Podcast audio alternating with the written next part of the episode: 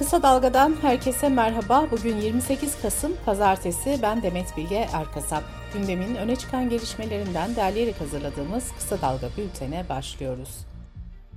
25 Kasım Kadına Yönelik Şiddete Karşı Uluslararası Mücadele Günü etkinlikleri kapsamında kadınların Kadıköy'de yapacağı eylem kaymakamlık tarafından dün yasaklandı. Yasak kararı sonrası Kadıköy rıhtımın tamamı abluk altına alındı. Kadınların açıklama yapmasına izin vermeyen polis 50'den fazla kadını gözaltına aldı. CHP lideri Kemal Kılıçdaroğlu, cumartesi akşam saatlerinde evinin mutfağından eşi Selvi Kılıçdaroğlu'nun da yer aldığı bir video paylaştı. Çocuk yoksulluğuna dikkat çeken CHP lideri, okullarda bir öğün yemek verilmesi önergesinin AKP ve MHP oylarıyla reddedilmesini eleştirdi. Kılıçdaroğlu şöyle bir çağrı yaptı. Evlatlarımızın bir kısmı yarı aç yarı tok yatağa giriyor. Öğretmenlerle konuşuyorum. Bazı çocuklarımızın beslenme çantalarında kuru ekmek ve su var. Çocuklarımızın bir kısmı beslenme saatinde arkadaşlarından saklanıyor, baygınlık geçiriyor. Bir şey yapmak zorundayız. Aç çocuk nasıl bir siyaset kavgası olabilir? Durumun çok acil olduğunu söyleyen Kılıçdaroğlu, CHP'li belediyelerin okullarda bir öğün yemek uygulamasına başladığını belirterek iş insanları ve kurumlardan destek istedi. Altılı Masa güçlendirilmiş parlamenter sistem anayasa değişikliği önerisi tanıtım toplantısını bugün Ankara'da yapacak. Teklif metnine göre Cumhurbaşkanı'nın görev süresi 7 yıl olacak. Cumhurbaşkanı bir sefer seçilebilecek. Cumhurbaşkanının parti üyesi olması da yeniden düzenlenecek. Başbakan ve Bakanlar Kurulu da anayasaya eklenecek. Deva Partisi Genel Başkanı Ali Babacan, Mart 2023'te bir baskın seçim olma ihtimali var. Teşkilatlarımız buna şimdiden hazır dedi.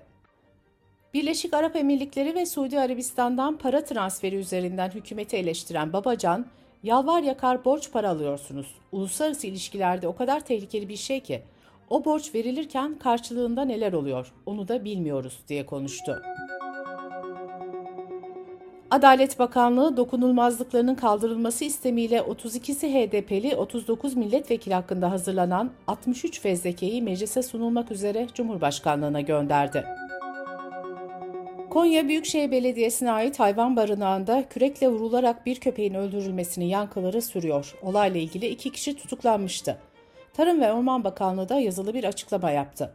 Bakanlık 2 ve 15 Kasım'daki denetimlerde hayvanların barınma koşullarına dair olumsuzlukla karşılaşılmadığını savundu.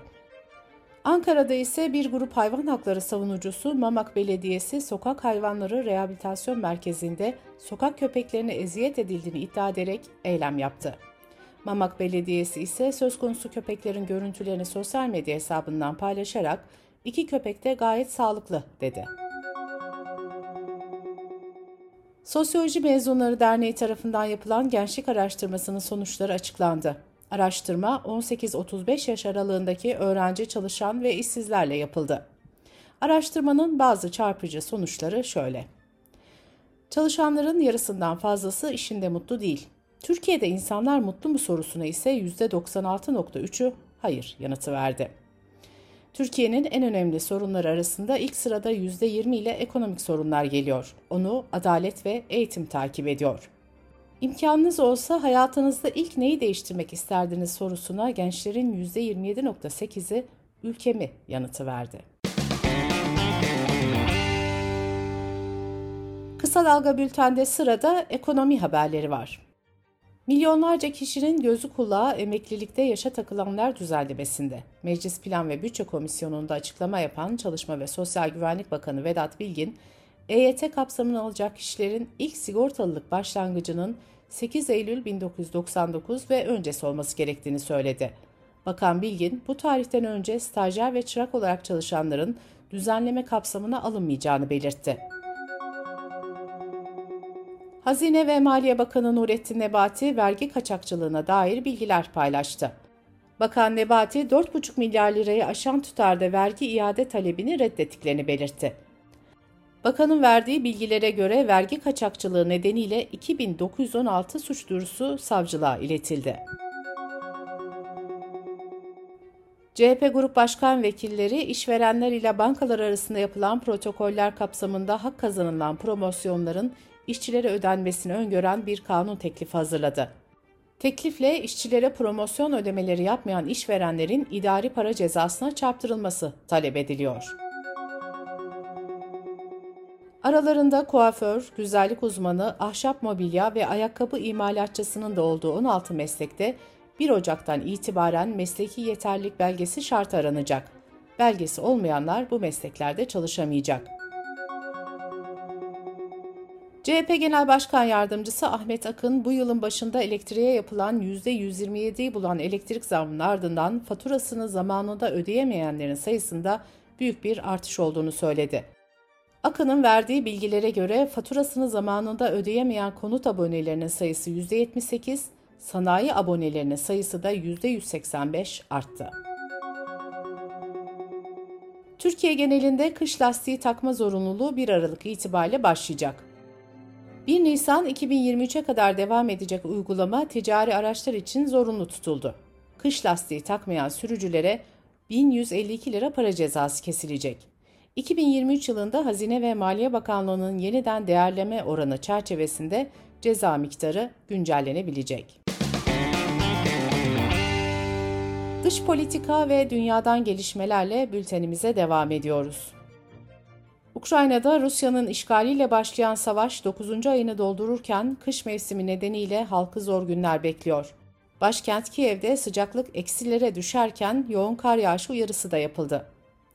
Ukrayna Devlet Başkanı Zelenski, ülkenin 24 bölgesinden 14'ünde ve Kiev'de elektrik kısıtlaması olduğunu ve her bölgede 100 binden fazla kişinin bundan etkilendiğini açıkladı. Rusya'nın çarşamba günü gerçekleştirdiği son bombardıman şimdiye kadar savaşta en fazla hasarı meydana getirerek milyonlarca insanın susuz, elektriksiz ve ısıtmasız kalmasına neden oldu. Rusya ise saldırılarda sivil halkı hedef almadığını savundu. Dünya Sağlık Örgütü koronavirüsü salgını nedeniyle 2021 yılı içerisinde 25 milyon çocuğun kızamık aşılarında ilk dozlarını 14.7 milyon çocuğun da ikinci dozlarını yaptıramadığını açıkladı. Bu durumun kızamı bitirme savaşında büyük bir gerilemeye neden olduğunu belirten Dünya Sağlık Örgütü, bunun bir salgına dönüşebileceği uyarısını da yaptı. Avrupa Birliği plastik kirliliğini bitirmek için Yüksek Hedefler Koalisyonu'na katıldığını duyurdu.